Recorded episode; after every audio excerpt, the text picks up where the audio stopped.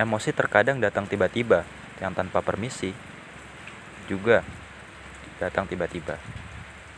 Emosi kadang naik, kadang turun, kadang baik, kadang buruk. Kedatangan yang tiba-tiba membuat kita tak bisa bersiap dengan semaksimal mungkin.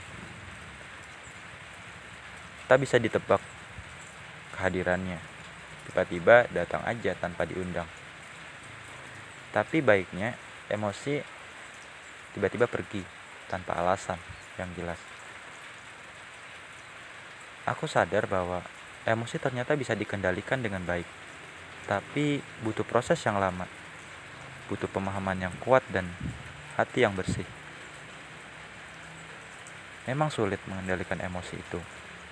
Ada hal-hal yang mengganggu kita, dan kita tidak terima dengan kejadian itu. Ada hal-hal yang menusuk hati, dan kita belum siap untuk itu. Tapi setiap orang itu unik, dan setiap orang punya prosesnya masing-masing. Ada yang cepat, ada yang lama. Tapi suatu saat semua orang akan sadar bahwa ternyata emosi benar-benar bisa dikendalikan.